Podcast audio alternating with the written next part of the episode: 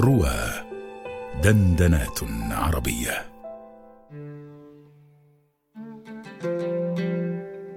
رأيت في السيرة مع إسراء جلبط والله قدير. في ليلة باردة من ليالي العام الثامن للهجرة أخذت أمنا عائشة رضي الله عنها تجهز جهاز الحرب لرسول الله دون أن تعلم أن وجهته مكة فقد أخفى ذلك حتى عن أقرب الناس إليه كي لا تعلم قريش بأمر خروجه إليهم فتعد للقائه العدة حتى إن الصديق دخل على ابنته فرأى الجهاز فقال لها أي بنية ما هذا الجهاز؟ أين يريد رسول الله؟ فقالت والله ما أدري بل إنه مبالغة في الاستخفاء وتضليل العدو. بعث سرية في ناحية غير ناحية مكة ليظن الظان أنه متوجه إلى تلك الناحية حتى إذا عزم على الخروج أطلع بعضا من أصحابه على سر الحملة. وكان من بين من أطلعهم حاطب بن أبي بلتعة رضي الله عنه.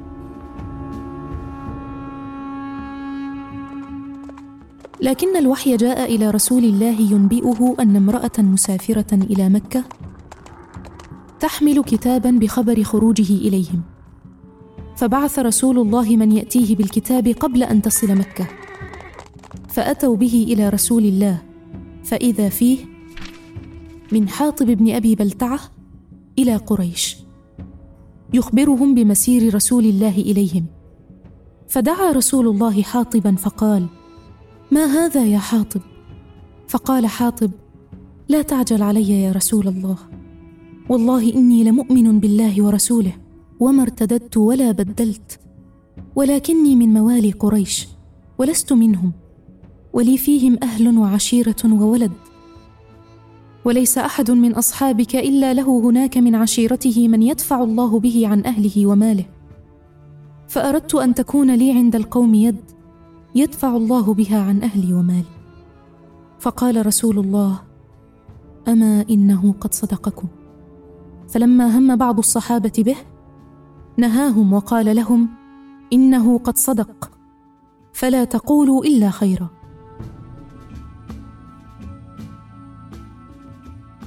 وأنا حين أمر على هذه القصة لا يسعني أن أفكر إلا في بشرية حاطب رضي الله عنه.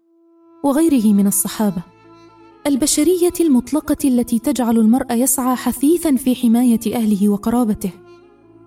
وقد تدفعه أحيانا إلى فعل ما ينكره على نفسه.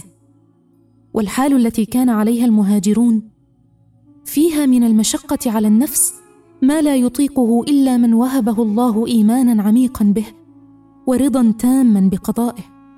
إذ لم يخرجوا من ديارهم مكرهين فحسب بل تركوا كل ما لهم فيها. وأعز ما تركوا لم يكن المال ولا الدور ولا الأرض بل أهلهم وقومهم أولادهم وأزواجهم وأصحابهم الذين لم يهتدوا لدين الله. وأرغمتهم مواقف كثيرة على أن يقف أحدهم بالسيف في وجه أخيه أو أبيه أو ولده نصرة لدينه. ولا ريب أن قلوبهم كانت ترجو لهذه العداوة آخرة. وأن نفوسهم كانت تهفو إلى صلح قريب. إذ من يريد أن تجمعه ساحة حرب بأهله ومن يحب؟ والقارئ المتمعن في كتاب الله يجد أن الخطاب القرآني يأتي غالبا موائما لحالة المخاطب. فتجده في أعقاب غزوة بدر يعاتب المسلمين على ما كادوا يفعلونه مع الأسرى رغم انتصارهم.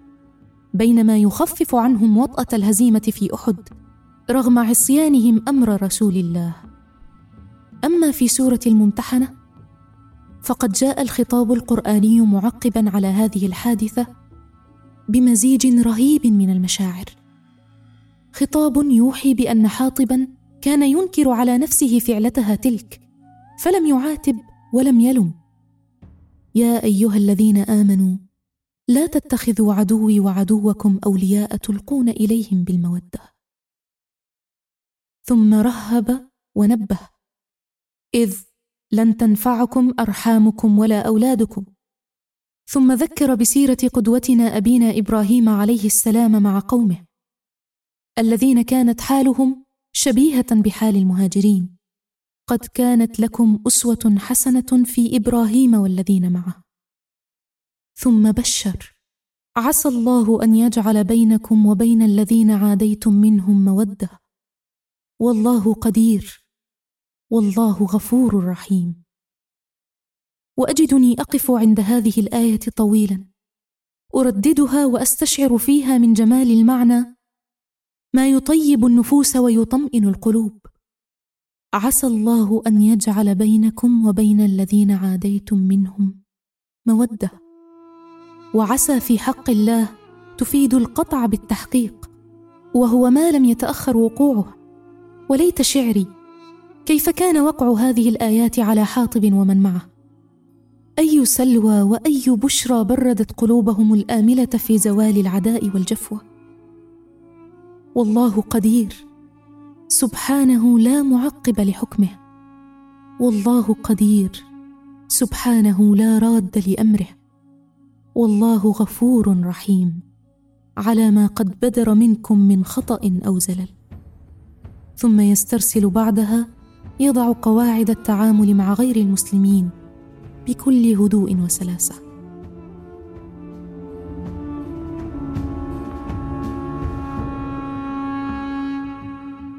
لم يكن فعل حاطب رضي الله عنه رغم كل ذلك هينا إذ هو في قوانيننا الحديثة خيانة عظمى. وكذلك رآه عمر بن الخطاب رضي الله عنه وهو ما جعله يقول لرسول الله يا رسول الله دعني أضرب عنق هذا المنافق. لكن رسول الله نهاه وقال له أليس قد شهد بدرا وما يدريك يا عمر؟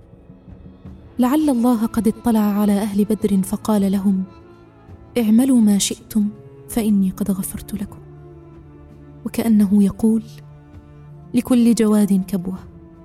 إن كان قد أخطأ في هذه فقد أحسن وأجاد في غيرها ولعل الله يذهب بالحسنات بعض السيئات.